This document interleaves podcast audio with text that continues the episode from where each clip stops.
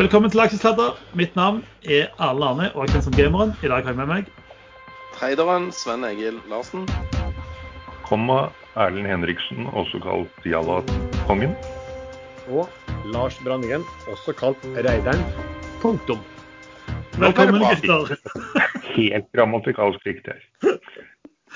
Velkommen, gutter, til en ny sending av Aksjesladder. Da har alle fått eh, grammatikken i orden, og panelets eh, eh, grammatikknazister er fornøyde. Lars, skal vi begynne med denne eh, disclaimeren før vi sier noe dumt? Ja, ja. Vi ringer råd. Dersom du hører på hva vi sier her om markedet, aksjer, enkeltaksjer og livet for øvrig, er ansvaret helt og holdent ditt eget. Feil kan forekomme i programmet. Paneler og panelets gjester kan være langt eller indirekte eksponert i aksjer, selskaper og produkter som omtales i programmet. Jeg må bare føye til en til ting. Og hvis noen tror at eh, paneldeltakerne sitter på en aksje eh, utover i uken hvis forutsetningene endrer seg, så må de tro om igjen. Skal vi snakke litt om uka som har vært? Eh, har du gjort noe spennende, Arlen? Ja, masse. Høre. Eh, Jeg har gått inn i Nell igjen, eh, men jeg er ute igjen. da. Men Det er bare fordi jeg er livredd for hva Trump finner på i helgen. Eh, Men eh, Nell er veldig interessant nå. De, det ser ut som at General Motors allikevel fortsetter samarbeidet med Nikola. Eh, Det var en pressekonferanse fra General Motors i går hvor de gikk gjennom masse. Jeg satt og lyttet på hele sendingen over en halvtime. Og så sier hun helt på slutten at hun kommer ikke til å si noe om partnere i dag. Så det var jo veldig bortkastet tid å sitte der. Men eh, de hadde tre-fire biler i studio. og Jeg er ganske sikker på at han ene teknisk direktør eller hva han var for noe satt på panseret til en Nicola Batcher. Eh, Hvis noen andre har sett den sendingen, så sjekk den bilen han satt på. Man så bare et lite utsnitt, og det lignet veldig på det jeg klarte å google opp om hvordan den ser ut. Men eh, de bekreftet ikke avtalen. Jeg trodde da at Nicola-kursen skulle falle som en stein. Eh, Men det gjorde den ikke. Den er, gikk opp, eh, litt opp og ned under sendingen, var også litt i minus, men ligger nå godt i pluss eh, fra før sendingen. Og Grunnen er at eh, 3.12. er deadline som både General Motors og Nicola har satt som siste frist for å bli enig eller være enige om å være, ikke være enig. Så 3.12. det er jo da 14 dager til, og det er jo sånn perfekt tidsintervall for å bygge forventninger. Og så får man heller se om man da hiver seg ut av uh, Nell, som jo påvirkes kraftig av avtale eller ikke. Eh, bare kort til hvorfor Nell påvirkes av en avtale med General Motors, som skal bygge elektriske biler, eh, og ikke fuelcell-biler i første omgang.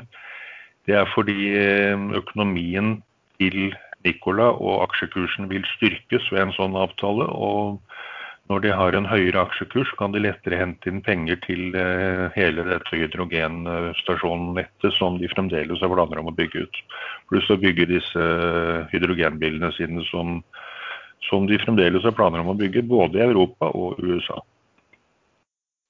Kan jeg bare få komme med én liten ting? Eh, hvis du har gjort alt dette i uka, så, så kommer vi ikke i mål i dag, altså. Fordi at eh, da Jeg tenkte vi kunne ta de der selskapspitchene litt seinere i sendingen, liksom. Jo, men dette er jo Arlen pitcher jo alltid i starten, for han pitcher jo hele tida. Ja, du, du, går, du går på samme blemmer hver gang. Du må ikke spørre han om noe til å begynne med. Fordi at da, da, da bruker han en halvtime. høre litt om uka di, da. Eh, uka mi har vært veldig rask. Eh, alle aksjene og obligasjonene mine har gått opp. Mer eller mindre, så jeg er fornøyd. Nice. Ingen eh, trader du vil dele med våre eh, tusenvis av venner? Jeg, jeg, jeg glemmer så fort ting, eh, ting igjen. Ja. Men jeg, jeg, har kjøpt, jeg har kjøpt noen aksjer i dag da, pga. en sånn nyhet som kom fra regjeringshold og en sånn rapport om noe greier på bånn. Men Jeg liker, ja, men jeg liker å kjøpe ting på bånn, liksom. men det kommer i pitchinga litt seinere. Ja, jeg tror det. Lars, hvordan har uh, uka di vært? Jo, den har vært, faktisk vært eh, veldig aktiv. Jeg sa jo at jeg satt jo rundt valget med, med mye cash, og når ting var avgjort der og plutselig kom det vaksine og sånn, så gjaldt det jo å hive seg inn og, og, og, og bli med på oppgangen. Så har jeg treda mer enn mer enn hva jeg gjør til vanlig, og vært inne i ja, Wilhelmsen, vært inne i flere riggselskap, Flex, jeg har suttet, ja, vært noe inn og ut av noe Inser. Sittet med Havøl. Det, det jeg har sittet med, har også gått egentlig stort sett. Eh, Eller har vel uten, utenom eh, ADS Crude Carrier, så har vel alt det bare fortsatt å gå opp også. Så det har vært bra uke. Til og med null har jo gått opp. Null gikk jo kjempebra. Jeg traff vel bunnen der, Sven, etter å ha sittet og hørt på deg gjennom eh, et år her i aksjeslaget. Veldig bra, veldig bra strategi å kjøpe på bunn. Det, det er mitt nye motto. Du lovte meg at det var bunnen, var ikke det? Så da Men, men, men Sven, er ikke det litt kjipt? Du har på en måte prøvd å, å prate opp null i evighet, men det er først når gamle Lars kommer inn og bare Hei, hei, så stiger han. Om det er kjedelig? Nei. Ja. Jeg syns det, jeg synes det, det er nok null til alle, tror jeg. Så det er bare å kjøpe. Hvor mye er en nuller på null? Eh, Det, det er sikkert uendelig. Nei, det er tull. Det går ikke an å dele null på null. Nei. Nei. Er det matematikeren som kommer nå? Det er sånn vi lærte med mattetimene på barneskolen da jeg var ung. Aristoteles i tid, når de fant opp matematikken. Jeg, jeg trodde først du kom med noen ting som var sånn sjekke replikken din i barnet, Erlend. Den har jeg ikke prøvd før, den skal jeg ta. Eh, denne uka her har det jo eh, favorittselskapet til Sven, etter null, eh, har jo kommet med en eh, kjempenyhet denne uka. Eh, og Basert på det som skrives rundt omkring på nett, så er det tydeligvis mange som ikke skjønner hva som skjer. Og det er jo selvsagt NAS. De skal inn i en rekonstruksjon. Jeg har kommet over sikkert hundrevis av poster med folk som skal ta lodd fordi de er ikke konkurs. Eh, Så Lars, eh, vi tenkte å prate litt om hva faktisk en rekonstruksjon betyr. Sånn at folk er litt bedre skodd til å ta fornuftige valg eh, framover. Fordi det er jo ikke bare, alt er jo ikke bra fordi at NAS ikke er konkurs nå. Men Sven sitter vel i, og har i hvert fall vært inne og sett på det båndet der før, så jeg tror faktisk at han er bedre til å forklare hva, hva denne chapter 11 innebærer. Jeg tror ikke Sven er så veldig god på irsk eh, konkursrett. Litt bedre på den amerikanske. Men eh, det er jo to datterselskap av NAS som er gått inn i eh, frivillig Eller ikke frivillig, men eh, en sånn type chapter 11-prosess, men da i Irland. Eh, altså de blir beskytta eh, overfor kreditorene mens de rekonstruerer seg har jeg forstått. Men, men det som er litt spesielle, det er jo at bondsene, altså obligasjonene i Norwegian, de gikk jo opp på denne nyheten. Og det syns jeg var litt merkelig. Jeg ville jo tro at de skulle gått ned. Aksjene er vel mer eller mindre verdiløse, men eh, det er vel som ventet. Eh, men nei, jeg, jeg kan ikke nok om irsk konkurslovgivning til å gi et veldig, veldig god forklaring på, på hva som skjer. Men jeg merker meg at obligasjonene stiger. Men, men Det var sånn, for å ta en sånn krasjkurs for de som ikke kan noen ting om det. eh, Når man eh, selv går til et sånt skritt og ber om chapter 11-løsning. Det er jo konkursbeskyttelse. Dvs. Si at ingen av kreditorene i den perioden kan selv gå til skifteretten og slå deg konkurs. Og det kunne jo ha skjedd med NAS, med Norwegian, når som helst. Eh, Egentlig rart det ikke har skjedd for lenge siden. Men, men det som er her, er jo da at det, det de har gått, altså det som er gått i chapter 11, er ikke Norwegian morselskapet som man handler aksjer i, det er datterselskap borti Irland. vel, som er, Og de datterselskapene er vel de som sitter og, og som, er, som eier flyene. Men så er det vel sånn at siden du har gått til chapter 11 med datterselskap som har en tilknytning til mor, så blir det vel automatisk slik at de heller ikke kan gå på mor i den perioden. Er det riktig, Sven? Vet du hva, jeg, jeg, kan, jeg vil ikke svare ja eller nei på det. fordi at eh, jeg vet ikke 100 eh, sikkert. Og pressekonferansen at eh, de ikke kan det. Nei. Så de beskytter seg. For at, fordi at jeg forstår at Norwegian hadde valget mellom å gjøre dette her i Irland eller i USA, der de også har virksomhet. Eh, og begge delene ville på en måte beskytte morsselskapet eh, i en periode. Men det som altså da skal i chapter 11 og behandles, er i utgangspunktet da disse døtrene på, i Irland. Men jeg antar at, at de er vel de som har sin Hvis det er de som er riktig at det er de som sitter med og eier flyene, så er vel de fullstappa av, eh, av gjeld og litt til. Det er jo der all gjelden ligger, og det er der de kan liksom kvitte fly og, og alt dette her. Eh, og, og jo det som er målet, å komme ut som en slank organisasjon med, med fokus på Norge, eh, Sverige, Danmark og, og disse lukrative melkerutene ned til Spania og, og storbyene i Europa. Altså Det er jo der de har tjent pengene sine, og det er vel det de har innsett at det er det de må drive på med. Ja. Jeg har satt og leste litt i forhold til det, bare sånn hva som står på eh, hva som står på Security and Exchange Commission, altså hva USA skriver om det, og hva man generelt skriver om det, så, så står det altså Det man sier generelt, er vel at aksjonærene kommer dårlig ut av en chapter 11. Eh, de, på, på, på, en vanlig konkurs så kommer de elendig ut, ikke sant? for da går alt tapt. Eh, på en chapter 11 så går ikke alt tapt, men ofte svært, svært mye. Og det kan være at alt går tapt. Så Sånn sett er det kanskje litt, eh, litt uforståelig med hvordan den, eh, hvordan den, omsettes og prises i, i aksjemarkedet. Jeg så bare at også at Sparebank1 Market, som sikkert har tatt seg litt mer inn i hva Chapter 11 innebærer, de sa vel også at det her var veldig vanskelig og uoversiktlig, men, men vel, ja, de, de anslo vel en kursmål på fem øre. Som er der eh, nye 90 Jeg sitter jo i uh, obligasjoner i noe som heter Pacific Drilling. De gikk nettopp inn i Chapter 11 uh, frivillig. Uh, og der nulla de bare alle aksjene dagen etterpå, mer eller mindre. Altså, ja. Da var det pennestrøk. Null verdt. Mm. Så, så, de som på en måte kjøper Norwegian fordi det ikke er konk, de bør vite at risikoen er ekstremt høy. Eh, I dag er jo Norwegian opp eh, skal vi se, 13 eh, og det kan vel egentlig kun tilskrives ren gambling.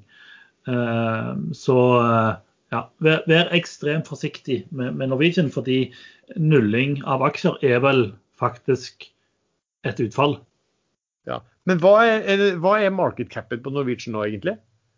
Eh, Ca. 1,5 milliarder. 1,7 faktisk. Yes. Ja, det er så høyt, da. Altså, Det er jo 3,7 milliarder aksjer i Norwegian, men eh, ca. en milliard av de aksjene har jo lockup til du får hjelpe meg, Sven, 7.12., stemmer det? 9.12. Ja.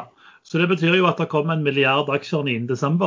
Eh, ja, I tillegg til de 2,7 som handles eh, fritt nå, da. Så det er jo noe folk som på en måte tenker å trade på denne kalde nyheten, må være klar over at det kommer fryktelig fryktelig mye aksjer som, eh, ja, som vil treffe markedet. Men kan det være at de ikke kan nulle aksjen fordi det kommer mer aksjer? Nå bare spekulerer jeg. Altså, jeg tror også sånn Chapter 11 bruker jo vare i ganske mange måneder. Bare så det er sagt. Eh, så jeg tror ikke det her er liksom gjort med det, med det, med det aller første. Altså. Det er på ingen måte. Så det tror jeg De sa 100-150 dager, regnet ja. Det er jo tre til fem måneder. Ja. Uh, og da skal du innkalles til en ekstraordinær generalforsamling etterpå. Da går det en måned til. Så det blir jo uh, muligheter for en vanvittig vakuumtrade. Men det som overrasker meg veldig, er at aksjen ikke ble solgt ned til kursmål til Sparebank1 først, på fem øre som jo i seg selv er altfor høyt. For det forutsatte jo det forutsatte jo at selskapet overlever konkursforhandlingene, og at Boeing eh, kommer med hele erstatningssummen, og da vel et par ting til. Så Norwegian er jo egentlig ikke verdt noe som helst akkurat nå, men handles på 45 øre. Det, det syns jeg er litt galskap. En opsjon til 1,7 milliarder, da. Mm. Ja, men Opsjon på hva da? Altså de, alle flyene, altså alle eiendelene vil jo gå tapt i rekonstruksjonen? Ja, altså det, det, kommer, det, er jo en forhandlingssak det der, da, så, så, det er jo ikke helt sikkert. Og det kan jo være at det gis en eller annen goodies da, til, til uh, aksjonærene, sånn at man, sånn at man, har et selskap som fortsatt er børsnotert og, og, man har en stor aksjonærmasse. Gudene vet, men jeg tviler vel sterkt på at uh, de långiverne vil la 1,7 milliarder uh, ligge igjen til aksjonærene i et selskap som reelt er konk. Det, ja, det har vel litt sånn formodningen mot, mot, seg, for å si det sånn. Så jeg, jeg tror det der, å sitte trade på dagens nivå, det er, det er over tid eh, et, et svarteperspill. Et annet selskap som det faktisk har vært en eh, dump i i går, eh, var jo Skana. Der var det en, eh, en storeier som solgte fryktelig mye aksjer. Eh, var det du som hadde sett på den, Lars? Du, Sven kan den bedre også, eller hva? Nå, nå syns jeg dere tillegger meg en del kunnskap som jeg ikke har. Bare fordi at han som solgte var fra Stavanger, liksom, så skal jeg vite eh, alt her. Nei, vet du hva. Jeg, jeg, jeg tror de har greie på hva, hvor mye Skana er verdt. Så når de selger, så, så, er det sikkert ikke så lurt å kjøpe, for å si det sånn. Ja, men han, han, De bunka ut 10% av hele selskapet over børs, og kursen falt 25 eller noe i går, var det så? Uh, ja, det er ca. 108 millioner aksjer, og de bunka vel ut 11 millioner. Det som egentlig var det som egentlig var litt da, forbausende, egentlig var at kursen altså, De fleste sånne den type illikvide selskap ville jo bli grassat grus, gruset hvis eh, største eier skulle banke ut 10% av hele selskapet over børs på en dag. Sånn og den falt 23% Men det er jo ikke, det er jo ikke, det er jo ikke mye. Det, det, var en veldig appetitt å ta imot, må jeg si. Ja, så, Dere, dere har ikke sjekka hva handlerne nede på campingplassen i Fredrikstad sier om det salget, da? Han var jo flink til å pitche den der aksjen eh, for noen eh, måneder siden. han med Trump-flagget, tenker du? Ja. Vet du Ja, hva, men jeg, Den er vel fortsatt kurs, en av kursvinnerne i år, er den ikke det? Eh, jo, han er ganske mye oppi år. Nei, altså tingen var, jeg, eh, jeg har vært på en del forum og sånt jeg har sett, og det ser ut som mange av de som på en måte liker Skana, de har plukket for Harald Iviger.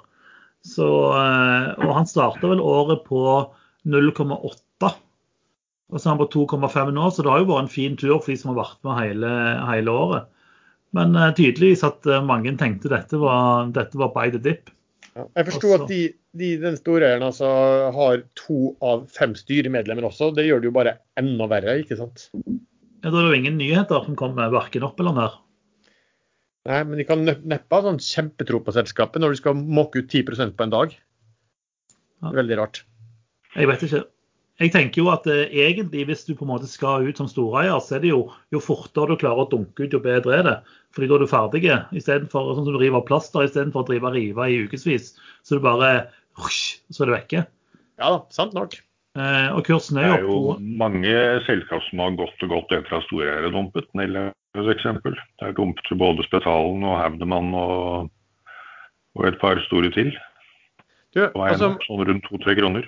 Ja, og så kan jeg jo nevne, bare se litt på her, at måten de solgte på, sånn at de fikk jo bedre snittkurs eh, på det salget på selve 10% enn, enn hva snittkursen var på en vanlig handelsdag for eh, 14 dager siden. Her var den jo på, på 2,50 i starten av ja, tre uker siden, da, starten av eh, november. Og så fikk de det vel ut av Jeg vet ikke hva snittkursen ble i går, men den siste omsatte var jo på 2,46. De starta jo på 3,2, så det ble jo betydelig høyere enn det. Nei, jeg, jeg tipper jo Altså, de, de meldte jo flere ganger i går. Så jeg funderer jo på på en måte For først så solgte de seg ned til 14,99, og så solgte de seg ned til 9,9% etterpå. Så det lukter jo litt at de skulle selge 5% Det er faktisk feil, faktisk feil det du sier der. Jeg- tror jeg feil? de tror du sa feil. Hva har de stoppa på? Er det 14,99? Grunnen grunnen til at de måtte melde to ganger, er fordi de har sittet i styret. ikke sant? Så det er jo eh, Den andre meldingen var ikke flagging. Eh, 11,48 satt igjen med etter siste melding. 11,48 Men måtte, men måtte de ikke bare ha meldt etter stengetid? Uh, nei, flagging må ikke uh, umiddelbart. Mens Ah, ok. innsidesalg eller kjøp kan de vente med til før børsen åpner dagen etterpå. OK, greit. Da var det en grei forklaring på det. Normalt sett hvis en storeier skal ut med, med, med en stor post, så er det ofte at etter børs så kommer det en sånn contemplated eh, blokksalg. eh. Men eh, nå, er- nå er jeg slem, men jeg, jeg vil tro at hovedparten av de som kjøpte aksjer i Skana, ikke klarer å hoste opp 100 000 euro eh, hver. Sånn at det, det kunne blitt dårlig med kjøpere i den plasseringen. Vi har jo en aksje folk aldri leier å spørre om, og det er jo HCCH, Sven. Heia, heia, HCCH blir vi aldri lei av, var faktisk spørsmålet. Eh, altså, Det er fem forskjellige HCCH, og hvorfor er det så mange? Eh, nå har vi jo sagt om at det er HCCH, R og C og alt mulig sånt, og hva de betyr i en tidligere episode. Men, men kan ikke du bare kjapt på tre minutter ta ukens status på HCCH, siden det på en måte er din aksje? Nei, Det har jo ikke skjedd en drit siden sist uke, egentlig, bortsett fra at aksjekursen har gått opp en 40% Men uh, bortsett fra det så har det skjedd veldig lite. Men grunnen til at det finnes så mange sånne HCCH-selskap, det er jo for at uh, HCCH alle skal få, ikke sant? Så det, det ligger jo, det er jo logisk.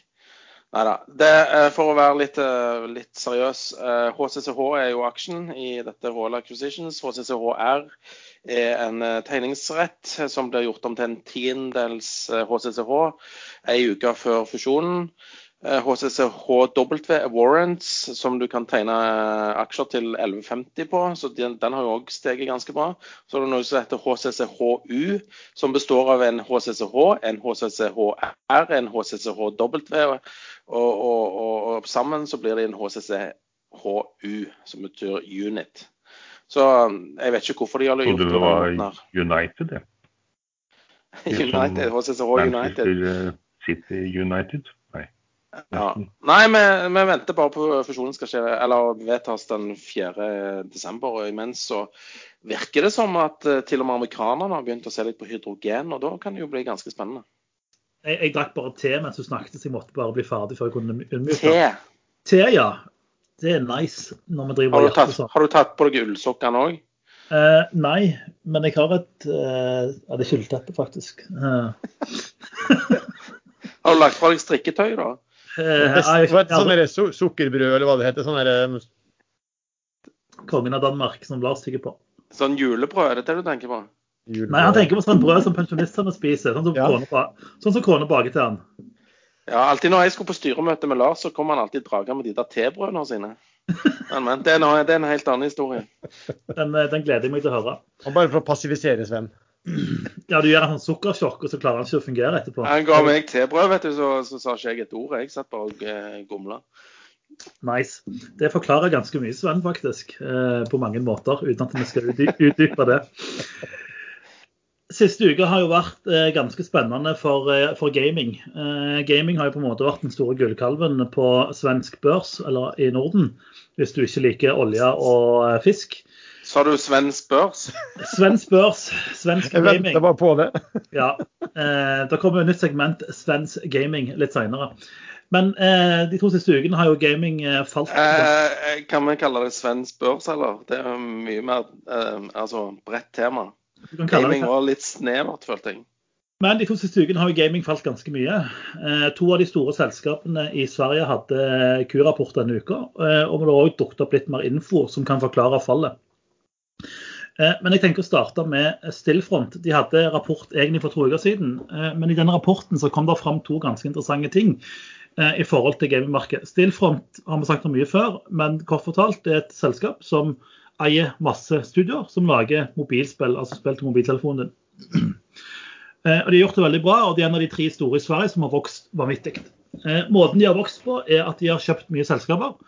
Eh, og I rapporten sin så sa de at nå har alle de gode kjøpene gjort. Framover vil vi måtte betale mer for å kjøpe selskap. Og Det er litt interessant, for det er mange selskaper som på en måte prøver å kopiere denne strategien og kjøpe, kjøpe eh, mindre studioer. Når da den største aktøren i Norden eller Europa innenfor mobilgaming sier at alle de gode kjøpene er gjort, så er det noe man bør notere seg. Den andre tingen er òg ganske interessant. og Den går på det som heter user acquisition, eller UA. Og Det er rett og slett eh, hvor mye penger bruker du på reklame for å få inn en bruker for å tjene penger på brukeren. Basically, Hvor mye penger tjene, må du bruke for å tjene en dollar. Eh, tidligere i korona eh, så sa vi her, eller på Aksjestatter, men også andre har sagt at sannsynligvis vil UA-kosten gå ned fordi eh, mye bedrifter slutter å reklamere. Og det fikk vi rett i. Flyselskapene har ikke kunder lenger, så ingen reklamerer for å fly. Ingen reklamerer for å reise. Eh, det er svært lite reklame for spisesteder, så det å reklamere er, har vært billig og har hjulpet Stillfront til å vokse mye. Det som skjer framover, er at EU ser at denne reklamen på mobilen er, er, fin, men sporingen som skjer for å kunne tilby den reklamen, er ikke fin. Derfor er det en del selskaper, type Microsoft, Apple og andre, som ser at oi, kanskje vi skal tilpasse oss litt for å hindre at EU blir sinte. EU eh, e er jo den der litt gamle onkelen som egentlig vil ha alt godt, det går bare litt seint. Så i dag, hvis du har iPhone, så må du typisk gå inn og aktivt eh, melde deg ut av denne sporingen de gjør på deg. Mens i framtida, med EU-loven, så må du aktivt gå inn og velge at du skal spores. Type måten det presenteres på i dag, er hei, vil du ha relevante reklamer for deg, eller vil du ha mindre relevante reklamer? Selvsagt velger du mindre relevante reklamer, for da blir du ikke spora. Dette kommenterte Stillfront og sa at de antar at UA-kosten vil stige fordi du trenger mer reklame for å treffe rett person. Så det er òg interessant i forhold til eh, mobilspill. Eh, det, altså UA er viktig for mobilspill. Det er veldig viktig for gambling, altså nettkasinoer og, og iGaming, eller rene gamblingselskaper. Og en del andre eh, selskaper som på en måte bruker reklame for å trekke, eh, trekke, brukere til seg. Så det er liksom det som er interessant å prate Selve rapporten Stillfront var helt grei. De, de økte mindre enn eh, en venta, men fortsatt fin økning. Så kan vi hoppe over til Paradox, som hadde eh, Q-rapport sist uke. Eh, best quarter ever igjen. Eh, de traff òg litt unna eh, forventningene. De økte bare 100% mens forventningen var 105% så kursen har òg falt litt der etterpå. Det som var interessant i Stilfors sin rapport, nei, nå jeg, eh, Paradox sin rapport, det var alle spørsmålene som ble stilt. Fordi når man følger et spillselskap, så er det alltid interessant å vite hvordan eh, regnskapsfører de inntektene for spillene. Eh, fordi det, det gjøres litt forskjellig fra selskap til selskap. F.eks. hvis vi tar Funcom, som snakket om mye tidligere, så sprer de inntekten de får fra et spillsalg utover en større periode. Det skjer ikke på én måned, det skjer på en større periode. Det betyr at det er mye vanskeligere å beregne hvordan spillslipp skjer på, eh, i regnskap. Men, men for, de følger, for, de som følger, spillbransjen, så er dette ganske interessant. Fordi Det Paradox gjør, er at eh, de, de, regnskapsfører all inntekt i det kvartalet det skjer. Det vil si at Når de slapp den store tittelen sin i september, så regnskapsfører de all inntekt i september. All preorder eller forhåndssalg regnskapsføres samtidig. Og alle salg av eh, det som nå kalles sesongpass og sånne ting, de regnskapsføres i løpet av perioden passet varer. Så vil si at et sesongpass varer et år. Vil si at inntekten fra det regnskapsføres spredt utover det året. Eh, den andre interessante tingen det var type Xbox GamePass. Altså eh, Xbox tilbyr et abonnement hvor du får spille masse spill gratis. Eh, og Da kan type Paradox eh, inngå en avtale med Xbox, sånn at spillet deres blir gjort tilgjengelig der. De pengene òg spres utover perioden som den avtalen er aktiv. Og Hvorfor er dette viktig? Jo, fordi det er veldig mange prøver å beregne hvor mye disse studiene tjener på disse avtalene. Det er ekstremt vanskelig, fordi man klarer ikke å se det igjen i regnskapet fordi ting spres utover. Så Det var på en måte det mest interessante som kom fra den prestasjonen. Eh, men de, hvis du vil se det selv og høre hele forklaringen, så er det halvannen time med prestasjon som ligger på eh, sidene deres. Men så har spillaksjer falt veldig mye de siste to ukene. Eh, folk har snakket, om en sektorrotasjon. Jeg har prøvd å funne beviser for den sektorrotasjonen, og det vi ser ganske tydelig, det er disse ETF-ene. Som da står for Electronic Traded Fund, som basically er et fond du kan kjøpe og selge som en aksje. Det er veldig praktisk. Du bare finner tikkeren, så kjøper du og selger dem. Eh, det er flere sånne gaming-ETF-er. Og det man ser at De siste ukene så har veldig mange av de sunket i verdi. Det vil at folk har, altså der er, Markedcapen på de har falt dramatisk. Det betyr at folk har solgt de, eh, og de er jo automatiserte. så det er de, når du, de har en bestemt vekting i hver aksje. så Når du tar ut 100 kroner, så tar de ut 100 kroner av markedet umiddelbart. Eh, og Det forklarer hvorfor veldig mye av de store svenske selskapene Paradox, Stillfront, Embracer med andre, har falt ganske synkront de siste ukene. Eh, men fallet fortsetter jo. så Hvorfor fortsetter det? Jo, fordi du har disse man, litt mer eh, vanlige fonder som gjerne bruker lengre tid på å eh, rebalansere. Du har vanlige forbrukere sånn som meg, som fant ut at nei, nå skal jeg eh, vekte ned i gaming. og dermed så fortsetter fallet. Hva betyr det for framtida for gaming? Vel, svensk gaming har vært dyr. Eh, relativt høye PE-verdier. Nå leverer de jo sykt bra vekst. Og det at aksjekursen faller, betyr at ja, kanskje nærmer det seg en bra periode å gå inn igjen.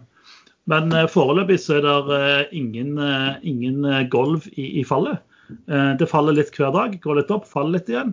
Så man skal ja, vil man ha ny inngang i de tre store i svensk gaming, så kan det nærme seg en bra periode. Men man skal bare passe litt på at det, foregår enda en sektorrotasjon. Og mange av disse ETF-ene har, har dumpa aksjer for, for harde liv. Dagens sponsor er som vanlig IG.com. IG.com er en stor internasjonal nettmegler som er notert på børsen London og har kontorer flere plasser i Europa. Lars, en del av våre lyttere de sier jo at mandag er den beste dagen i uka, fordi da kan de endelig begynne å trade igjen. Men har ikke IG et produkt som kan gjøre helga litt kjekkere for disse folka? Jo, det er jo det er helt riktig som du sier, da, at det skrives mye om det. Det er jo faktisk mange inne på Ekstremester som sitter og skriver i helgen og, og, og, om hva de har lyst til å trade når mandagen kommer. Men eh, det er altså slik at du kan faktisk trade i løpet av helgen på IG. Eh, du kan oppleve altså helt riktig trading på IGs eksklusive helgemarkeder som inkluderer en rekke populære indekser, kryptovaluta og utvalgte valutapar. Og Dersom du har lyst å begynne å trade allerede nå, så kan du følge linken i beskrivelsen på podkasten, eller gå inn på ig.com, opprette en konto og starte med helgetrading umiddelbart. Lars, du har jo lagd et lite segment som har blitt ganske populært. Eh, jeg kalte det Regnskapstimen med Lars, eh, hvor du har sett litt på regnskap til selskaper. Eh, og denne uka så, så du på Subtech, for vi har fått noen eh, spørsmål rundt den. Ja, Hvor populært er det? jeg tror Sven begynner å sovne av det også. Jeg, jeg tror jo at jeg lurer litt på hvor mye sånne wienerbrød Sven konsumerer i løpet av en sending, siden han må so- sove mellom segmentene. Saptek 74 millioner aksjer. De har altså en market cap på 1,9 milliarder kroner i dag. De driver altså med ladere til elbiler, samt så står det samt relatert teknologi og software. Altså Da er det ladesystemer hjemme, i borettslag og uh, på parkeringsplasser. Større parkeringsplasser. IPO-en ble gjort på 11,25 per aksje. Nå ligger den i, ligger den i 25 eller noe sånt, så da 25,5. Så da er den opp over 100 opp eh, siden det. I IPO-en så hentet de 236 millioner, og så var det også 214 millioner i nedsalg. Eh, Jeg så litt på tallene deres. De har da, etter å ha hentet dette her, hvis du bruker Q3-tallene, så har de net cash nå på ca. 250 millioner kroner. Dvs. Si en enterprise value, det vil si altså market cap minus cash, på 1,65 milliarder kroner. Bokført egenkapital etter emisjonen vil være ca. 300 millioner. Så jeg satt og regna på Q3, og regna det om til år. Eh, Inntektene er da i underkant av 200 millioner. Det er vel en eh, antar blir en sånn ca. 25% økning fra året før. og Det er jo ikke så verst egentlig i et covid-år. Så har de en, eh, hadde de en bruttofortjeneste på 27% som også var klar økning fra i fjor. Uh, og, men det de kaller for EBIT, da, og EBIT, altså driftsresultatene, er på en måte tilnærmet uendret fra eh, året før. Så de har vel dratt på seg en god del kostnader knyttet til vekst. Um, ja, resultatet etter skatt var hittil på ca. 9 millioner, så da havner de vel sted rundt 13 per år, på året, tenker jeg. Eh, eksportandelen er 23 de, altså, de har noen guidinger. De sier at de skal ha da, neste tre årene skal de ha en årlig vekst i inntektene på 35-50% Og så skal de ha en EBITDA-margin på, um, uh, på 20% i 2023. Eh, Så jeg bare så litt da, kjapt. Man bruker jo å regne på en PE. altså Hvis du tar da markedsverdien av selskapet og, trekker vekk den cashen de hentet inn, så har du egentlig PE da på eh, sånn som jeg omregna på ca. 127. Og Det er jo ganske stivt, for å si det mildt. Men det er alt avhengig av hvordan et sånt selskap klarer å, å vokse.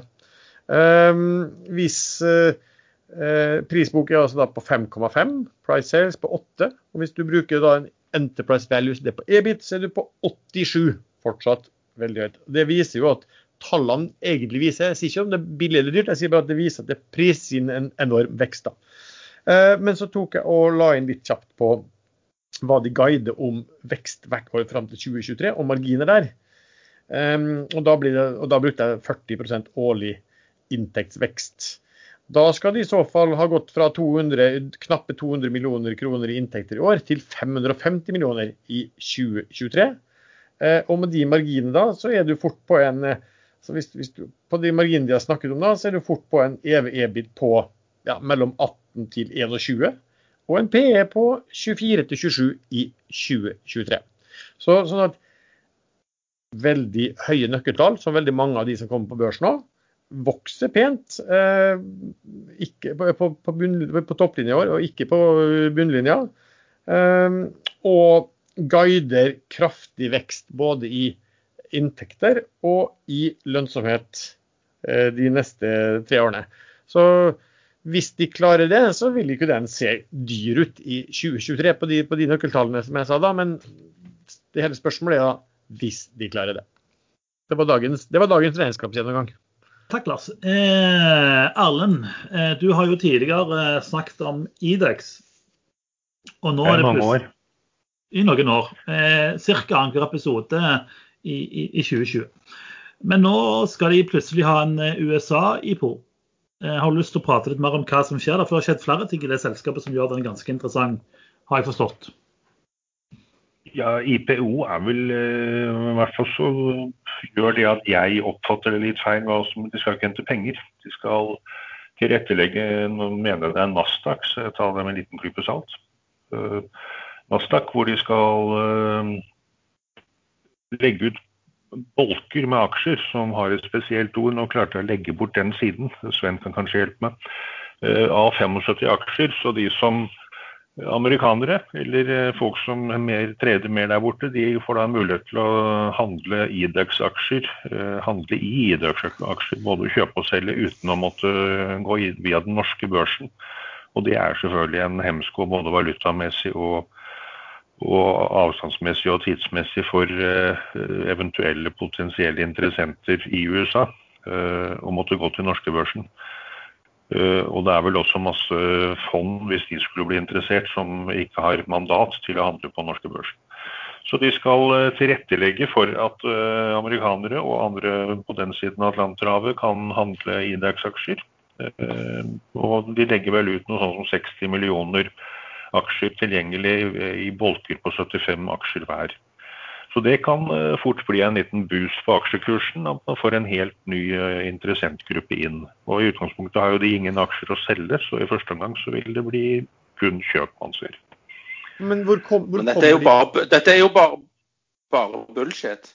De skal legge ut 800 000 ADS-er, altså American Depository eh, Certificates, eller hva det heter.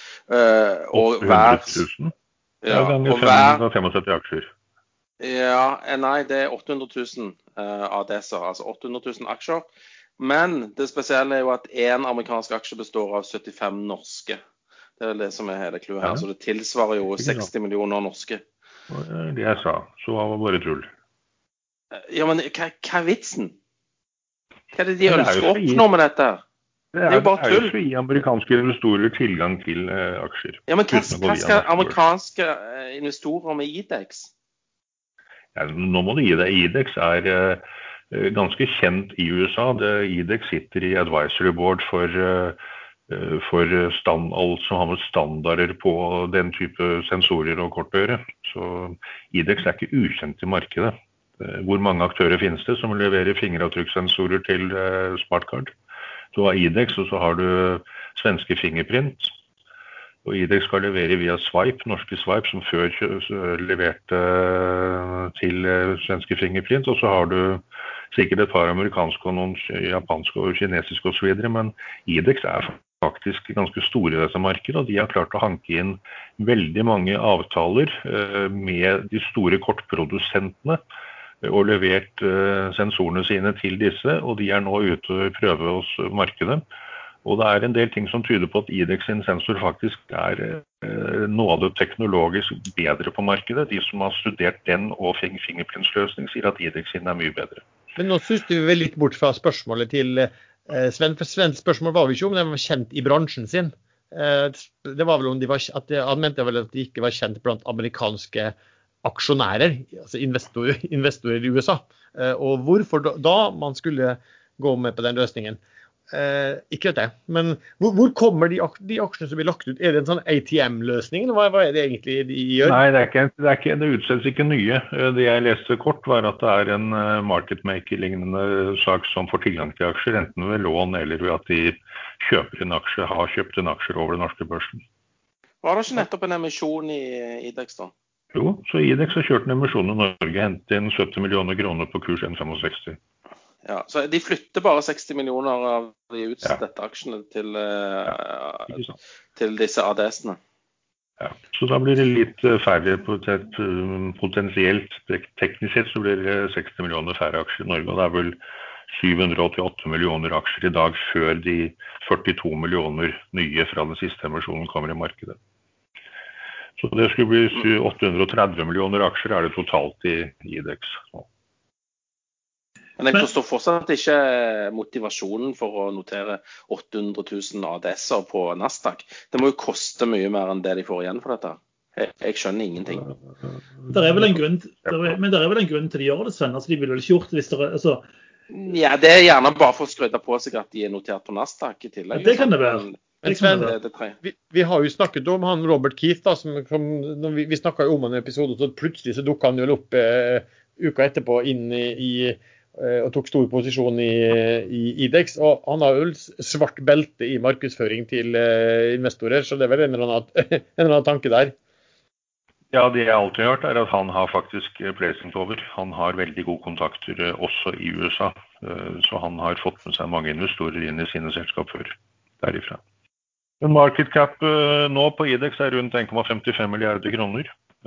Hvis de får plutselig store ordre på smartkortsensorer, så kan man begynne å regne litt på det. Da tror jeg ikke man klarer å regne hjem Idex på noen som helst måte de neste fem årene, men, men på forventninger så tror jeg den aksjen kan ta fullstendig av. Det har den gjort flere ganger før. Den går gjerne sånn fra typ, typ rundt 1 kroner til 8-9 kroner når den først setter i gang. Vi ble helt stille. Er stille. Nei, jeg, jeg venta bare på om Sven skulle si et eller annet til før jeg før Jeg noe. tenkte mange slemme ting, men jeg eh, klarte å holde meg. Så bra, Sven. Men den har jo nå konsolidert ganske lenge rundt emisjonskursen. Og den emisjonen var jo helt åpenbar at måtte komme. Eh, Så kursen var jo oppe på 2,40-50 var det vel, før den ramla ned igjen til rundt 1,60-70. Og aksjene, emisjonsaksjene må betales i dag, eh, og de kommer sannsynligvis da neste uke ut i markedet. Men det var kun en rettet emisjon, ingen reparasjonsemisjon. Eh, Emisjonen ble satt eh, et par prosent over sluttkursen dagen før. Og jeg ser på aksjonærlisten at en god del av de som sannsynligvis har fått emisjonen, de har solgt seg litt ned i det siste. Så, så jeg tror egentlig nedsalget er ferdig. Når emisjonsaksjene kommer, så tror jeg ikke det kommer veldig mange av de ut i markedet. Hvor, hvor mange aksjer var det i emisjonen, sa du? Det er 42 millioner. Det er 5,33% av totalt antall aksjer. Ja, og det er omsatt 32, nei 17 I millioner dag er det i omsatt 17 17 millioner aksjer, så det er jo en tredjedel av det som kommer under. Mer, mer enn en tredjedel. Noe annet i, i, i i Idex, eller var det IPO-en som var det store? Emisjonen? Nordmenn leser vel kanskje litt for mye ut av den, så det er vel en, sannheten ligger vel midt imellom det Sven sier og det, det de forhåpningsfulle tror. Men det, det er bare en måte å gi amerikanere tilgang til å investere i Idex på. Skal vi snakke noe om ADS-et? Er det Lars igjen, eller er det Sven som får ansvaret? ansvaret? Vi, kan, vi har jo snakka om det før. Nå er det kort sånn at eh, vi snakker om er det stor spenning om de kom til å dele ut pengene til aksjonærene. Eh, og det viste seg at det har de foreslått i generalforsamlingen at de gjør. Eh, ulempen er kanskje at her, gikk det med en del sånn fis både hit og dit og kostnader i sluttenden, som dessverre. Men de har vel til det kjennegitt at de skal altså først nå så deler de ut 1,70 1,7 kroner i det aller nærmeste. Og så skal de dele ut eh, innskudd kapital som er ca. 90 Altså de skal dele ut i løpet av eh, første kvartal eh, neste år, så skal de ha delt ut sånn ca. 21 kroner og 40 øre per aksje. Som jo er litt mer enn hva børskursen er i dag. Eh, Men i utgangspunktet er jo det penger som er i dollar. Så faller dollaren, så blir det jo litt mindre.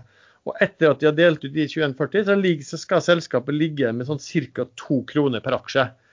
Og bli til et eller annet. Jeg syns den er interessant og bra å eie, fordi at eh, jeg tenker som sånn OK.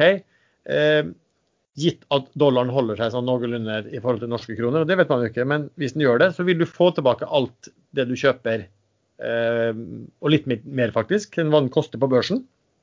Og da er spørsmålet OK, du putter de pengene og får omtrent alt tilbake igjen. Eller du får alt tilbake, litt mer faktisk. Og så er spørsmålet hva vil det selskapet, når det ligger igjen med to kroner per aksje, hva vil det prises til eh, i markedet? Og da er mitt eh, svar på det i hvert fall ikke null. Eh, og da kan det fort bli en sånn litt sånn grei rentenist at du kan gjøre noen prosenter på, på, på noen måneder på med ja, risikoen er vel kanskje det mest eh, valutarisiko vil du ha da. Har du tatt noe ADS, eller sitter du med den, Lars? Ja, jeg har en del det. Jeg syns det er greit å få de prosentene. sånn sett. Det, er- I dag skal alle ha liksom 15% i uka eller på dagen. eller Det, det er helt vilt. Og, og da er det helt greit hvis du kan få noe som du kan gjøre 2-3-4% på eh, med minimal risiko på, på noen måneder. Det er interessant minimal risiko, for jeg ser det er en del poster med folk som måtte spørre er det noen plasser man kan investere eh, med mindre risiko enn på en måte å kjøpe en random børsaksje, men med mer avkastning enn eh, en eh, høyrentekonto. Her har du jo svaret på noe som er relativt safe. Eh, jeg skal bare snakke kort om eh, min favoritt-kjedelige aksje, og det er jo Kitron. Eh, som bare går og går. For i, morges så kom det en ganske morsom eh, nyhet fra Canada. Eh, Canada skal bygge nye fregatter. Eh, og de har da presentert eh, de nye fregattene sine i Canada. Og tilfeldigvis på en slide der så står det at de skal utstyres med den norske NSM-raketten, som lages av Kongsberg, og Kokitron er en viktig leverandør av eh, elektronikk. Eh, så for de som på en måte liker aksjer som ikke stiger 80% i uka, men stiger jevnt og trutt, så vokser Kitron sin, eh, sin ordrepipe med et nytt land som skal ha, ha, ting fra dem. Så det er veldig gøy. Kitron ligger jo på ca. 18,7 nå.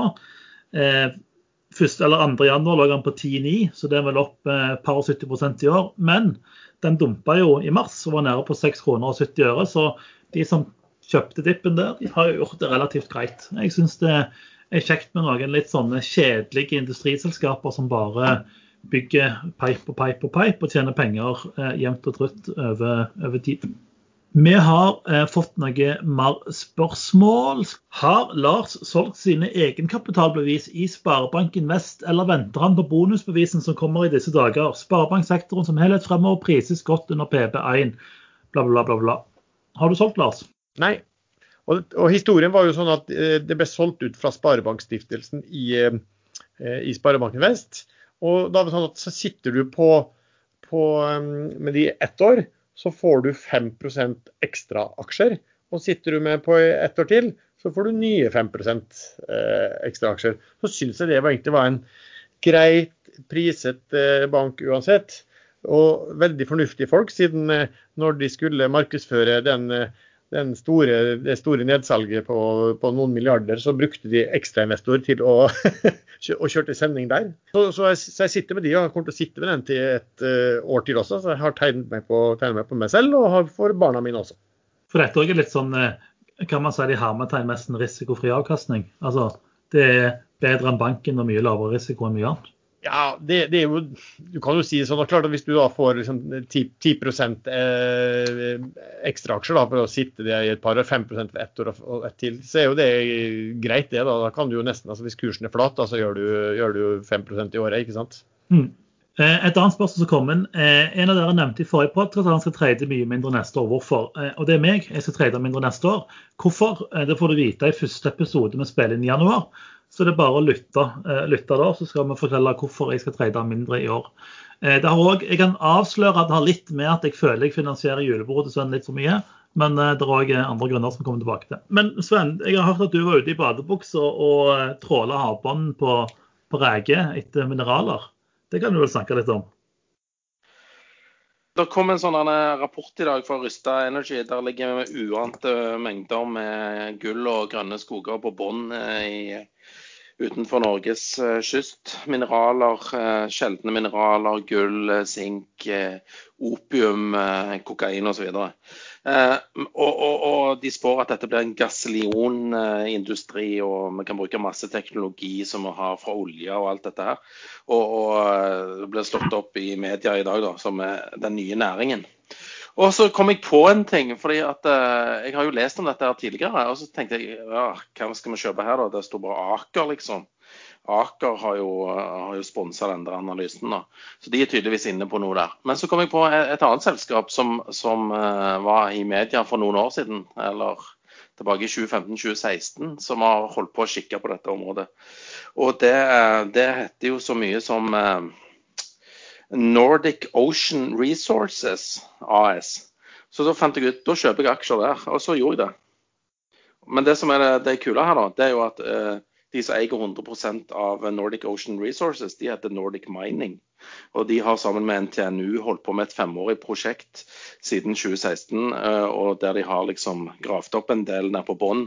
Brukt Polar King-fartøyet fra, fra, fra for Ribor og sønn. Eh, så det, det blir bra, tenker jeg. Men eh, hvor kjøper du Nordic Resources-selskapet? OTC, hvor er de notert? Du kjøper bare NOM, for de eier 100% av Nordic Ocean ja, Så du kjøper NOM, ja. Så du får ikke kjøpt aksjer i det selskapet? Jeg har ikke ringt og spurt, men uh, jeg vil tippe at svaret hadde vært nei. Men altså, de eier 100 av dette selskapet. og De holdt på med dette prosjektet sammen med NTNU nå siden 2015. Så, eh, og, og, lover og regler holder på å endres. Det ble endra en lov i 2019 som gjelder liksom rettigheter til, til, disse mineralene på havbunnen. Og det kommer en ny olje- og energimelding nå i 2021 som liksom markerer startskuddet for å hente inn eh, mineraler og mineralmining på bunnen. Så jeg, vi står foran en veldig stor næring. Er de internasjonale reglene også endret? Er det de som ble endret nå? Det har vært en av bøygene. Det, jeg har ikke satt meg 100 inn i det. Havrettstraktaten. Den må endres på visse punkter for at man skal få lov å hente opp dette. Men jeg vet de har allerede startet hvert fall prøvemining i andre deler av verden, og det ser ut som at det går ganske greit. Men nå snakket jeg primært om Norge, da, og det er jo der de har henta inn disse prøvene. Uh, og Det er vel der uh, oljeministeren legger til rette for at uh, dette skal bli en næring framover. Så hvis vi får litt publisitet rundt dette her fra forskjellige hold, så tror jeg kanskje Nordic Mining kommer til å få sin andel av, av oppmerksomheten. Men første konsesjonsrunde er vel ikke før i 2023, så vidt jeg leste. Nei, men se på havvind, da. Det er ikke forventa at det skal skje noe der før 2024. og Folk går jo mann av huset for å kjøpe de aksjene. Du kan sikkert forklare hvorfor det er så mye mineraler akkurat på havbunnen der i denne norske renna eller i den fjelltoppformasjonen, eh, Sven? Eller skal jeg gjøre det? Vet du hva, Det hadde jeg satt pris på hvis du kunne gjort det. for jeg, Når jeg hadde sånn geologi på skolen, så fulgte jeg ikke med i timen. Nei, eh, Jordskorpen eh, skyves enten under hverandre, disse tektoniske platene, eller de går fra hverandre. Og i midten av Atlanterhavet, egentlig fra nord for Island til hele veien sør, eh, sørover, til sør for ekvator i hvert fall, så, så, går jordskorpen fra hverandre. Og da må det jo oppstå ny havbunn, og da kommer det sånne små gesirer opp, det heter noe annet, fra der hvor jordskorpen deles. Og disse rørene, de, de pumper ut Det er mineraler fra dypt i jordskorpen som inneholder da både gull og sølv og masse kobber og litium og egentlig alt vi trenger. Ehm, og de er aktive i noen tusen år, tror jeg, og så dør de, og så smuldrer de opp. Og da blir det liggende mer eller mindre i sånne klumper. Manganmoduler, tror jeg faktisk heter. Eller moduller, noduler, et eller annet sånt. Og det er eh, ferdig foredlet. Der har du kobbergehalter på 30% som du kan hente opp med en liten robot som støvsuger bunnen, istedenfor å grave deg dypt inn i fjellet og hente ut kobbergehalter på 0,1% så det er helt klart at dette er eh, framtiden. Men eh, du sa at eh, konsesjonsrunden er i 2023, så det, hvis man på en måte... Det er langt fram, men uh, det er nok en opsjon man burde vurdere nå. Men Nordic Mining er jo ikke helt ufarlig, fordi de har ganske slunken kasse, og de sliter litt med Engebø-prosjektet. og Eh, men nå begynner det å nærme seg absolutt siste godkjenning, som jeg trodde Eller jeg har jo lest om siste godkjenning kom nå i årene i Nordic Mining. Men alltid en eller annen klageinstans og alltid et eller annet departement som skal si noe nytt. Og nå er det jo valg til neste år. Da, så, så begynner det vel på nytt igjen, tenker jeg. Ja, Sven, Men hvis du, Nord hvis du, var Nordic Mining nå, og du vet du må hente penger, for det, det må de jo, det har de jo uttrykt uh, og erkjent. Og de har òg sagt at hvis de skal drive på med denne havbunnsgreiene, så må de òg hente penger til det. Uh, men uh, nå er det blir det plutselig hot med liksom, å si nå finnes masse verdier på bunnen. på bunn, ja. og så da spinner du jo noe rundt det, sånn at det blir mye lettere å hente penger til både det ene og det andre. Det ville i hvert fall jeg gjort hvis jeg var de. Ja, det er det de burde gjort. Eh, og det vil jeg vel tro at, eh, at CEO og hva heter han igjen? Han, eh, Fossum. Fossum er tidligere Statoil-mannen klarer å få til. Du kan, jo, du kan, jo, se på altså Når vi snakker om det å spinne, hvem som har vært flink i det siste. Bare se hva Havyard har gjort, som var, kjent inntil for noen måneder siden bare som et grått, grått, grått skittent verft som gjør det elendig. Eh, og nå har de kommet med mye meldinger om hva de har av type andre produkter, og, og, og meldte jo i går også om at de skal spinne av et eget hydrogenselskap. Og kursen der har jo gått, Det har jo vært andre gode nyheter òg, men kursen der har jo gått da fra når vi begynte å se på det, Sven, to kroner til ti kroner. Um, og, og det, det, viser jo i og for seg bare litt om hvis du klarer å få en oppmerksomhet om selskapet, og at de holder på med andre ting enn hva liksom 99,9 som, som, som, ikke kjenner veldig godt til de, tror de holder på med, så, så gjør det jo kanskje at både kurs går, og at, og at, det blir veldig mye enklere for de å kunne hente penger eh, i framtiden. Havjord gjorde mye riktig, altså. De hørte på oss. Jeg, ja, jeg skulle si det, jeg lurer litt på om det sitter noen på Havjard og hører på aksjesladder. Eh, I så fall så er det hyggelig. I så fall så bør de kun gjøre det på, på fritiden. Det er helt sant, for i arbeidstiden bør de jobbe for pengene våre sine. Riktig. Ja. Jeg ser noen har skrevet innsatt-tabbe på, på lista. Jeg vet ikke hvem som har gjort en tabbe, for ingen har erkjent seg tabben. Jo, altså det var en tabbe fra Inster. Det var takk skal de ha, for å si det sånn. For jeg eide Inster, og de eh, børsmeldte da at styreleder hadde kjøpt aksjer til 7 kroner og 40 øre. Hvis man leste litt lenger ned, så sto det at det var kjøpt fra hans egne barn, men det sto, kursen var jo da noen og en del og 70 øre. Og kursen var jo da mm, Og det, sto 7 kroner og 40 øre. Og da begynte jo folk å kjøpe aksjer med en gang de så at den hadde kjøpt 7 kroner og 40 øre. Så takk, da gikk jo kursen opp til 90, og jeg fikk vippa ut aksjene litt. Eh, altså, de kom med en kontramelding der det sto at nei, beklager, det var ikke 7 kroner og 40 øre, det var 74 øre han hadde kjøpt fra sine egne barn på. Eh, men det tok litt tid før folk kanskje litt oppfatta det, også fordi at Finansavisen hadde opp en artikkel som, der det sto 'styreleder kjøper aksjer 7 kroner og 40 øre'.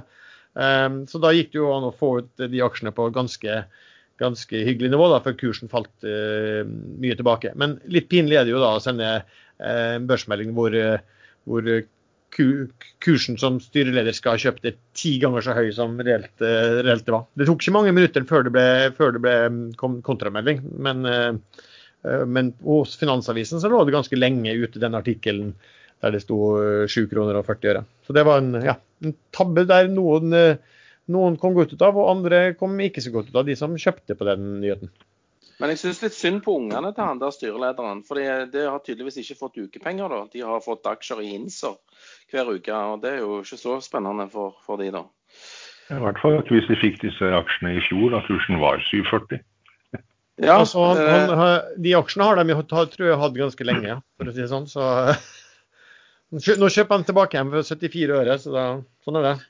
Erlend, eh, det har jo vært mye diskusjon rundt eh, Solstad offshore i, på ekstranester denne uka. Vi har et spørsmål eh, innsidekjøp i Solstad offshore. Er Gjelderkongen fremdeles lang, lang, lang positiv? Ja, det det var vel også bare flytting av noen aksjer internt, eh, det som ble meldt i dag. Eh, Hvor alle aksjene eid på forskjellig i selskap og privat ble flyttet inn i ett selskap. Så det burde man egentlig ikke vektlegge i det hele tatt, tror jeg. Men eh, jeg har jo snakket varmt om eh, Solstad offshore i forrige episode, så sent som i forrige episode, etter at jeg kjøpte en del uka før. Eh, og Grunnen er jo at det er ferdig eh, et ferdig rekonstruert selskap, og det er en opsjon på at markedet tar seg opp på eh, ankerhåndteringsfartøy. og Det kom jo ut i en artikkel like etterpå at det kan bli veldig hot eh, som eh, noe man må ha til eh, flytende havvind. Eh, Men selvfølgelig litt fram i tid. Men eh, det er jo det som kjennetegner opsjoner, at man slår det til, så vil kursene gå mange ganger hvis alt annet stemmer. Men eh, så kom da, etter sist helg, så økte jeg faktisk både på mandag og tirsdag, flere omganger. En tredoblet antall aksjer på mandag og tirsdag. Så kom onsdagen, og da var da syns jeg kursen startet veldig høyt, og jeg syns den hadde blitt pumpet litt opp dagen før. Og det er litt sånn typiske signaler på at her er det en eller annen som sitter og pumper denne aksjen, eller en eller flere. Eh, og da kommer det ofte en dump. Så jeg slapp ut en tredjedel i åpningsaksjonen, og så kom dumpen og ramla langt ned på sekstallet. Eh, men som trader eh, så må man prøve å unngå å få panikk når sånt skjer, for den pleier ofte å få en såkalt bounce, dead cat bounce, på en sånn nedtur. Og den gikk opp igjen til 7,50, og da fikk jeg ut en tredjedel til på 7 7,20. Og så satt jeg egentlig med resten og hadde planlagt å beholde de, men eh, når kursen igjen vippet under sjutallet, da, da slapp jeg resten på 6,90. Så det var ikke noe planlagt salg i det hele tatt, men eh, det var en litt for tydelig pump som var, ble avsluttet med en dump. Og så visste man at kvartalstallene kom dagen etter. De kom i går.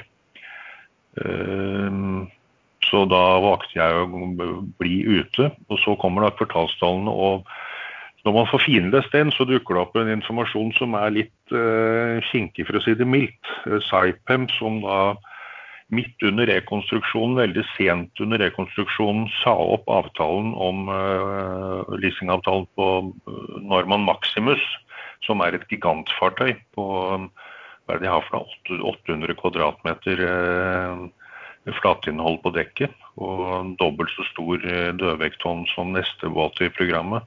Jeg så den ved siden av en oljerigg, bilde av den, og oljeriggen ser ut som en sånn liten leke, lekesak ved siden av den, det gigantskipet.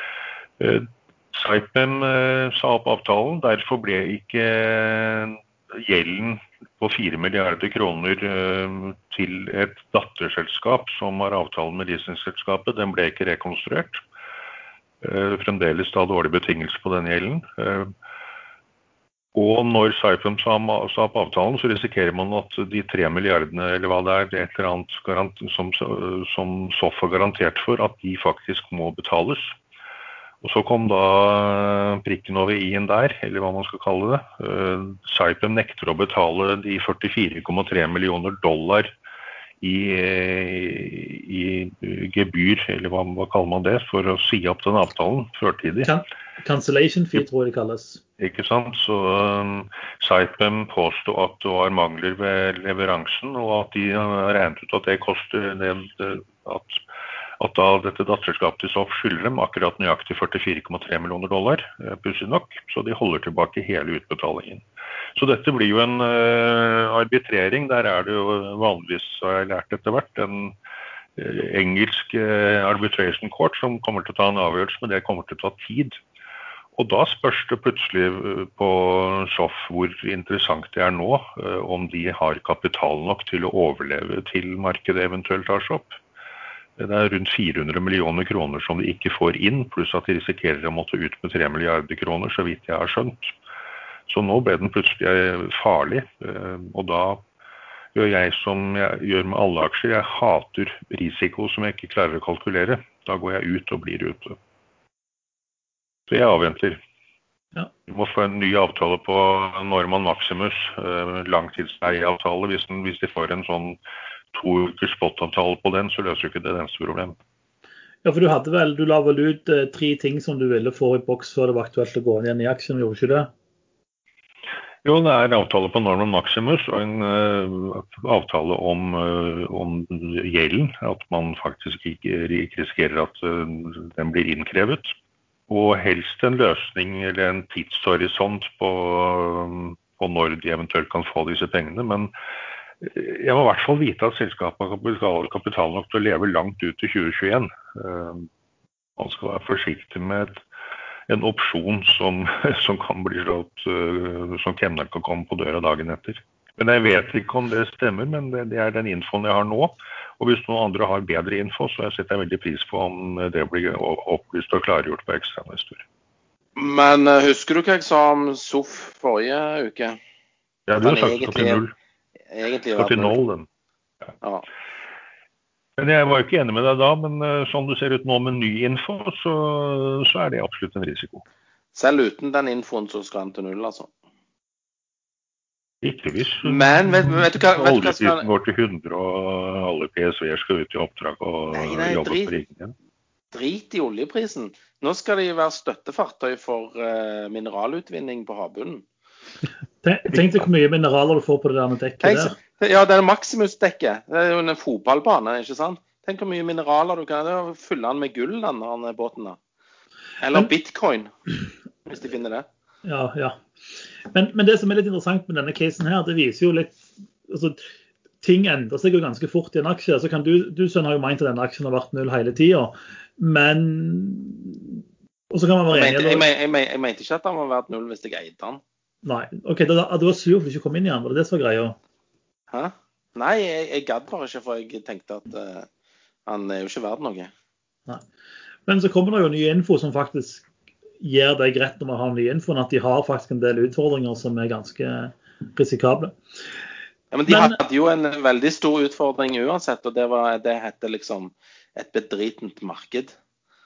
Jo, ja, men eh, det, det, lå jo veldig langt fram. Eh, det var ikke noe umiddelbar eh, sannsynlighet for konkurs så lenge, så ja, sånn, lenge avtalen ja, ja, jeg, jeg, jeg, Så det er jo da å spekulere man i, i tiden fram til. Det, var, det er egentlig som siderill etter forrige rekonstruksjon. Det var jo veldig mange som sa allerede da, for et par år siden, at det selvfølgelig ikke er siste rekonstruksjon.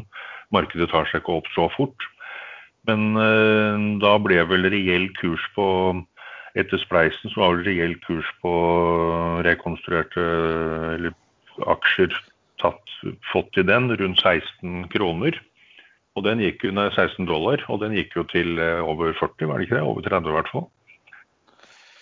Men jeg syns det er fascinerende at dere bruker ordet rekonstruksjon når det egentlig heter restrukturering. Ja, men det er det jeg mener. Ja. Det er faktisk min feil, tror jeg. Fordi jeg har sagt det til Arne så mange ganger når vi har diskutert ting, at eh, jeg er dårlig påvirkning. Men Jeg, eh, jeg skal ikke nekte for det. Erlend. Nei, jeg er dårlig, dårlig innflytelse på den eldre garde. Men hvor er Eh, Lars henne? Jeg savner hans eh, eh, oppløftende toner. Jeg tenkte Lars kunne få starte neste segment, fordi vi har jo sittet her og jatta i timevis. Eh, Så nå kan vi Jeg jo kan se bare nevne at eh, bitcoin-kursen var på 18 551 og dollar, og all time high er 20 000 dollar. Så den går og går og går. Tenk når vi blir, bitcoin-millionærer. Ja, jeg har, eh, jeg har faktisk eh, 0,0046 bitcoin. Som da er verdt eh, 874 kroner. Men eh, det var ikke det vi skal snakke om. Eh, skal vi snakke om uka som kommer, Lars? Er det noen selskaper og aksjer du ser på? Nei, du, det var en ting vi eh, Jeg skulle starte bare med å nevne sånn, en sånn bitte liten opp som jeg så på aksjonærlisten i dag. Eh, Det er at Kapsch, som er en sånn konkurrent til Kufri, og som kjøpte seg inn i Kufri i eh, Det gjorde de vel i, eh, for over ti år siden. Har eid over 10 av selskapet. Det ser ut som de holder på å begynne å selge seg ned etter å ha eid i ti år i Kufri. Så det kan jo være en eh, noe interessant å følge med på om, det, om de skal ut av den posisjonen der. og øh, ja, vil du tro at de har prøvd å plassere den kanskje også. Det, øh, vi får se hva som skjer. Det kan være, være, for de som er interessert i den, kan være en, en, noe å følge med på de dagene som kommer, om de fortsetter å selge. I uka som kommer, om det er noe spesielt? Ja, jeg holder jo på å gå gjennom litt sånn ulike selskaper. og så, Som jeg sa, så var jeg jo litt sånn aktiv i den uken som var. Jeg vil ikke si at det er noe sånn spesielt eh, nå som jeg har kjøpt, som jeg sitter og har noe sånn veldig tro på eh, utover i uken, egentlig. Det er sånn at det, er litt sånn at det man sier nå, at det fort at jeg blir, blir lei det på, på mandag eller tirsdag, og så har jeg solgt det likevel. Ikke sant? Også, og da har du egentlig ikke sånn da, da har du ikke noe conviction på det på den måten. Du, du, du flyter med. Jeg sitter jo med mine litt, litt rigger som har gått, riggselskap som har gått, og, og da er det liksom bare å sitte og flyte med så lenge det, det, det bærer oppover. Eh, Så er det jo bare å henge med på det. Har dere lagt merke til at Polaris Media alltid stiger på fredagene? Nei. Det er mulig, på, muligens pga. tikkeren. I, Pol. Pol. I dag kom det, men den- den- jeg ser, jeg ser det, det kom faktisk en eh, artikkel i Finansavisen på den. Den er sånn ukens selskap i, i, eh, i Finansavisen. Det tror jeg det faktisk har vært før òg. Der de gjentar liksom at det de eier av, eh, av eh, Finn, ja, og, og noe annet sånn rett hjem leveringsgreier. eh, De, de postene dek, bør dekke hele markedsverdien på selskapet i dag, og da får man liksom hele forlagsvirksomheten deres gratis. Eh, Det, det regnestykket har jeg sett før, da. Men eh, det kom nå, og da hoppa kursen opp eh, ja, 15 med en gang. Aker Offshore Vind har jo gått som en kule også i dag etter at de satte en emisjon på høy kurs. Så de gjør jo eh, Røkke er jo dyktig. De gjør egentlig det samme som Nell har gjort. Setter, bruker aksjekursen til å hente masse penger. Så de får jo mer og mer penger, og så har de egentlig ingenting de driver med. Hva er det de har for noe? Én målebøye et eller annet sted i Sørishavet? Jeg aner ikke. Jeg eh, Jo. De jobber vel på ganske mange prosjekter, men det er jo riktig det at de, de, de, en del steder er de ikke kommet lenger enn at de holder på å måle vind, som jo er ganske viktig for hvis du skal bygge ut vindkraft. Og så, så har de en del sånne hvor de er- kommer til å være med i kampen om lisens. De har sikkert nok å, å holde på med der, sånn, men det blir jo artig å se på konkurransebilder da, ute på Utsira-feltet, der hvor, hvor det skal utdeles lisens. hvor Equinor og Ørsted og Bonør også har vel fortalt at de kommer til å være interessert der. Jeg tror det blir tøff konkurranse. Nå er kursen syv kroner. Den emisjonen var på 1,40. og 40. Mm, for et par uker siden, eller kanskje bare en uke siden, var kursen på halvparten av det den er nå. Og de henter penger og legger planer, og før man får noe tall man kan regne på, så skal vel den kursen til 20 eller 40, tenker jeg. Tror- sånn det er. Det var spar, den, den lå vel på knappe fem i går. Eh, og så kom vel Sparebank1 med en analyse som sa eh, at den var ni kroner, men hvis alt gikk som, sånn og sånn og sånn, så kunne den gå mye høyere enn det også. Og, og da tok, tok den fart. Men jeg er litt redd for hvis vi putter masse sånne vindmøller over hele eh, jord, jordkloden, så kan det liksom få sånn propelleffekt, og så skyter vi ut i en slags ny bane. Og så Det var det, var det liksom. Nå har vi blitt konspirasjonspodden. Konspirasjon- Det er bra podd, det, altså. Men eh, Sven, kan vi tolke at du har puttet alle pengene dine i bunkers og hermetikk, da, siden du er redd for at jordkloden skal få ny bane? Nei, det hadde jo vært litt spennende òg, da. Ja. Er det noen aksjer du har sett på, Sven, som eh, du, eller som du på en måte har stor tro på i uka som kommer? Jeg har jeg har jo sagt eh, NOM. NOM? NOM. NOM. Nom, nom, nom, no, Jeg minner om null, men eh, jeg skal sikkert ha null den òg. Men Ja. NOM, altså disse, disse mineralgreiene, hvis du får litt oppmerksomhet rundt det framover, så kan null, NOM Null òg. Noen må jo bore de der mineralene. Ja. Nei, dette blir bra. Erlend, eh, hva ser du på i uka som kommer? Nei, Jeg har jo nevnt Idex allerede, men jeg kan godt nevne en aksje jeg ikke har, som jeg egentlig hadde avskrevet som en konkurskandidat. så Det er mulig at det er det, det kan sikkert dere opplyse om. Men PGS er jo ute og påstår at eh, de har allerede nok tilsagn til å kunne kjøre en restrukturering. Eh, Oi, oi, oi. oi. Ja, eh, hvis de i det hele tatt trenger det. Eh, Så de slipper å De kan ikke gå konk lenger. Eh, Nei, de, skal vel ikke kjøre en restrukturering. Så kursen har jo gått fra totallet opp til eh, hva er den på akkurat nå? Eh, 368. Er den så høy? Og, ja, 368, og den har vært oppe på 390 i dag. Og der er det noe snakk om 20 millioner aksjer short. Ta det med en liten klype salt, jeg har ikke dobbeltsjekket. Så når et selskap som er konkurstruet plutselig ikke er det lenger, eh, da, da kan jo den bli en ordentlig kule. Så jeg har vurdert å ta den, men jeg har ikke tatt den ennå. Og jeg kommer ikke til å ta den i dag, selvfølgelig, når vi sitter og snakker om den, men kanskje på mandag, få se. Hva aksje var det? PGS, var det du sa? PGS, ja. Men, Men eh, eh, hvis bare noen vet noe mer enn meg om de fremdeles kan være konkurstruet, så må dere rope ut. Det er tol- Jeg tror- tolv- 12,5 millioner short synlig. Omsatt for 20 mil kroner i dag. Ja, 12,5 var ikke 20, men 12. Men det er, det er mye aksjer. En sånn aksje. Sven, du ville si noe? Eh, jeg kan si to ting. Eh, jeg ville eh, skygge unna PGS og gått for TGS hvis du absolutt skal sitte i noe sånn seismikk. Eller til nøds denne PGS er jo slaktet konkurspriset fremdeles. Eh, Det er jo ikke TGS. Nei, men de har masse sånne båter, og de ser rare, og, ser rare ut òg, de båtene til PGS. Jeg har aldri stolt på de. Men øh, øh, jo, når er det vi skal ha det der julekuleprogrammet? For det gleder jeg meg litt til. Ja, det kan vi jo diskutere litt. Tid bør vi ha julekuleprogram? Det, det som bekymrer meg litt egentlig den siste uken eller De har jo gått allerede. Ja, ikke sant? Det er jo at folk har kjøpt ju, det som de, det som sett, OK, hva er taperne, uh, har vært taperne? Og så har det blitt spunnet opp et eller annet at de er tapere, men at her finnes det muligheter. Og så har de gått liksom 30 på, på dagen.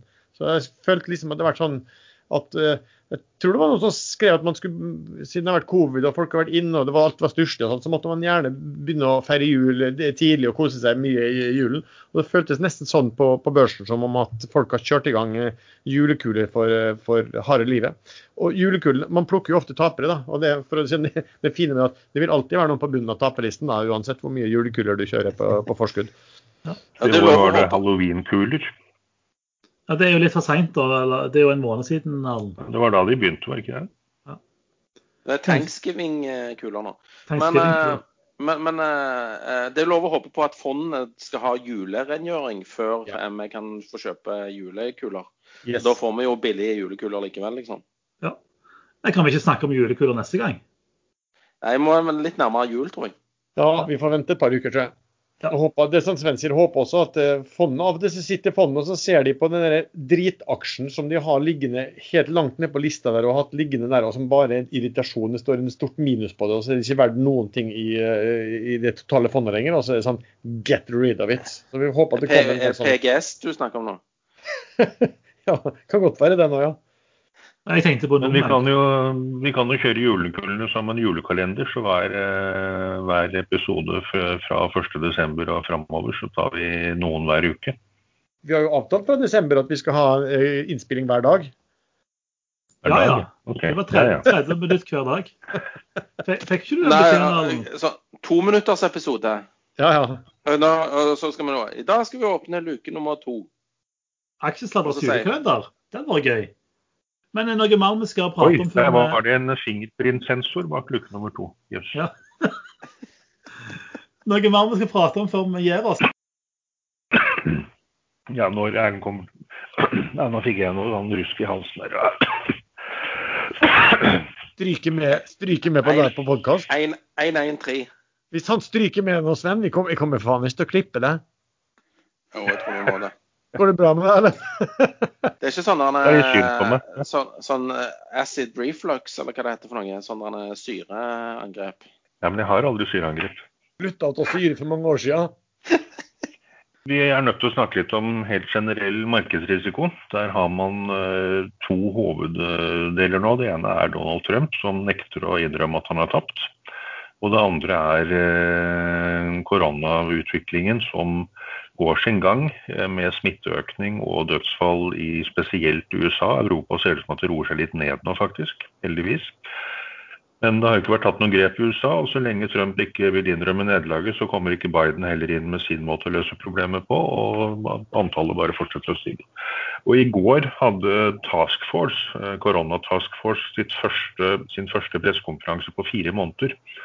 Og der gikk det litt hardt ut og fortalte om eh, utviklingen. Jeg så ikke hele, jeg så snitt av den, men det sier litt når når de plutselig er på banen igjen, eh, sykehus over hele USA, eller halve USA i hvert fall, begynner å bli fulle. Eh, Og antall dødstall i går oversteg 2000 for første gang siden mars, eller april. Så det går helt feil vei. Det var vel over 200 000 nye syke i går også i USA, eller nye smittede, ikke syke. Det er ikke så mange som blir syke. Eh, Men det går feil vei, og 192 000 var det i går eh, etter World uh, Barometer, barometer 2065 døde. Så antall døde har eh, doblet seg på bare noen få uker. Eh, antall smittede har tredoblet seg på noen få uker.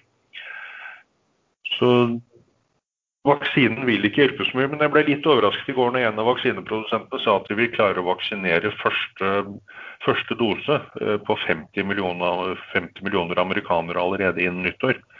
Og de samme, vil få, de samme 50 millioner vil få ny dose i januar. Så mulig det roer seg litt før jeg har trodd til nå, men først så skal det bli verre. Og aksjekursene i USAs indeksene har jo nå ligget uh, litt nervøst uh, egentlig ned tre dager på rad, er det ikke det? Akkurat nå er uh, SNP Litt sidelengs, faktisk, har det gått. Ja. Men i dag tidlig så var future Dow Jones ned 300 eller noe sånt på da koronafrykt.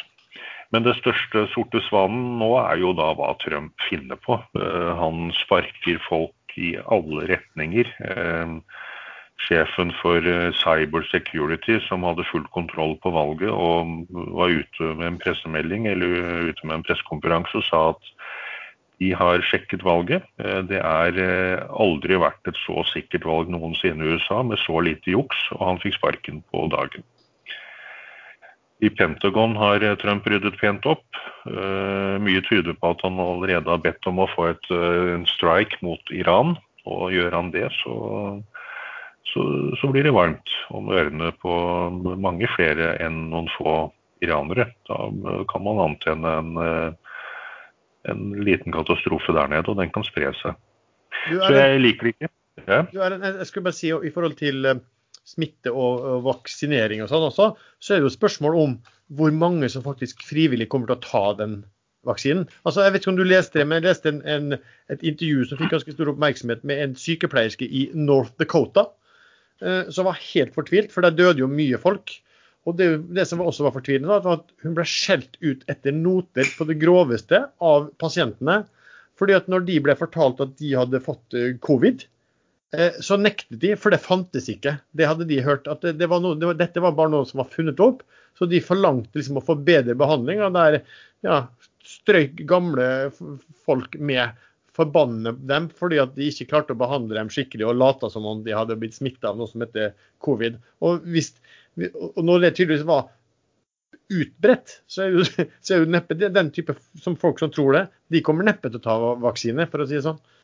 Ikke vaksine og ikke brukelig maske og ikke social distancing, for dette viruset er jo bare rent oppspinn, tror de.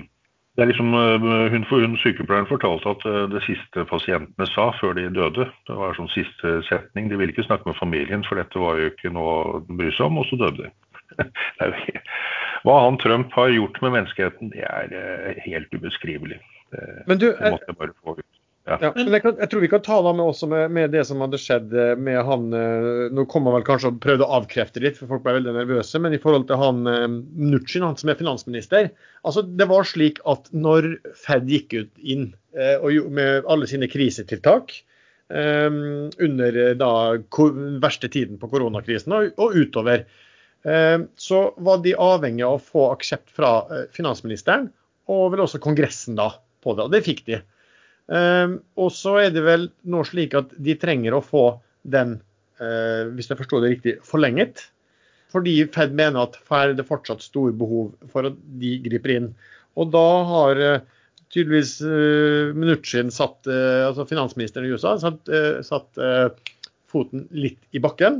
Og, og det, det, tolker de som at de vil gjøre det vanskelig for en innkommen Biden å kunne, å kunne gjøre den, de samme tingene fordi at du må gå via Kongressen. og Da forsto jeg også at du må ha også eh, aksept hos Senatet. Og sånn som det ser ut, så tipper man vel at republikanerne vil kontrollere Senatet. sånn at det blir vanskelig, da. De tar bort dette her, og så blir det vanskelig for, for Biden kanskje å, å, få omgjort dette her og få reinstallert den type eh, virkemidler. da. Og Det gjør jo selvfølgelig uro i markedet, men nå, nå forstår jeg at han Nutsjen var ute i dag og til dels avkrefta det også. Han ville vel ikke stå igjen som en sånn svarteper, tenker jeg. Men i uken som gikk, så kom det fram en ting til. Eh, JP Morgan sender ut eh, brev til sine kunder. Eh, og Der var en analytiker ute med en worst worst case-analyse av hva som kan medføre at Trump faktisk allikevel kommer til å bli erklært som president. Og det som er det mest mest sannsynlig, men en veldig veldig lav sannsynlighet, det er at de republikanske senatorene de kommer til å underkjenne valgresultatene i nok antall stater til at Trump allikevel får eh, De kommer til å erklære Trump som president, eller som vinner i nok antall stater til at han får nok valgmenn. Og da Det har skjedd en gang før på 1800-tallet. Det vil si det har nesten skjedd, de klarte å avverge det. Men da risikerer man en situasjon hvor Trump øh, blir utnevnt som president, parallelt med at Biden blir utnevnt som president 20.1. Og da har man en situasjon som er litt uløselig. Veldig veldig liten sjanse, men teoretisk er den sjansen til stede. Men det må ha republikansk flertall i Senatet, og de har bare to-tre øh, senatorer flere enn demokratene. Og at alle er så idioter, det, det, har jeg veldig vanskelig for å tro. Men det er jo ingen, ingen toneangivende republikanske senatorer som har gått ut og erklært Biden som vinner. Unntatt Mitt Romney. Men det er vel fordi at de venter på denne saken i Georgia, hvor det skal være nyvalg på Den ble avgjort i går. Georgia ble jo telt opp nytelt ferdig i går. Avgjort. Det skal være nytt, nytt, det skal være nytt senatvalg i Georgia. ja, senatvalget, men det, det senatvalget kom for sent. Dette her eh, Eh, det senatvalget kommer sannsynligvis etter. Det er vel, eller er det i desember det kommer, eller er det i januar? er det ikke det? Jeg tror det kommer i januar. Ja. Men, jeg tror det kommer for sent. Jeg tror uh, erklæringen av uh, godkjennelse av, av, uh, av, valgmenn, av seier Det skal skje innen 14.12. Mm. Ikke sant? Så man risikerer rett og slett et eh, kupp i USA. Eh, ikke blodig kupp, men et senatsstyrt senatstyrt kupp. Og da har vi Trump som president. Og hvordan man skal klare å løse den flokken, det har jeg ikke sett noen løsninger på. Kjipt hvis begge må bo i White House, liksom. Da kommer det til å bli litt sånn krangel der rundt middagsbordet. Konebytte. Nei, men husker ikke hun der Ja, det blir swingers-party, det. Men gutter, jeg tror vi skal heller si at de må gjerne gjøre kupp, men vi gutter, vi skal satse på å gjøre kupp i aksjemarkedet. Og nå har vi holdt på veldig lenge, eller hva? Kunne du òg bli lei nå? Jeg, jeg, var lei etter ca. et kvarter. Jeg. Ja, du hørtes ivrig ut nå. Ja, du var litt eh, på gang. Men for oss så spiller det jo faktisk veldig liten rolle hvem som egentlig da sitter som president etter 20.1. For vi, skal, vi klarer jo å tjene penger på kursbevegelsen uansett. Du klarer å tjene penger uansett. Ja, vi taper alt. Ja, Vi, vi andre som er litt mer passive, vi, vi må jo få lån av deg snart. Henriksens utlån AS. Du må jo ikke sitte og se på at uh, aksjene går ned og ned i kurs. Må selge det. Ja, men hvis du gjør det nok ganger, så er det null. Nei, skal vi, skal vi avslutte? Noen som vil ha siste ord før jeg eh, tar avslutningen? Nei, Så bra. Takk for at du hørte på denne episoden av Aksjesladder. Håpte du hadde det mer gøy enn Sven. Eh, Sven hadde det kjempegøy. Eh, musikken som er vanlig, lagd av kjass.com. Eh, hvis du ønsker å diskutere med oss, så er vi på Ekstrainvestor hele gjengen. Vi har òg eh, på Facebook som heter podkasten Aksjesladder. Der har du mulighet til å stille spørsmål hver uke. Ikke glem å gi oss fem stjerner på Apple Podcast og Spotify, ikke det heter. Og del gjerne podkasten vår i sosiale medier, fordi vi ønsker å nå ut til flere. Ha en fantastisk dag.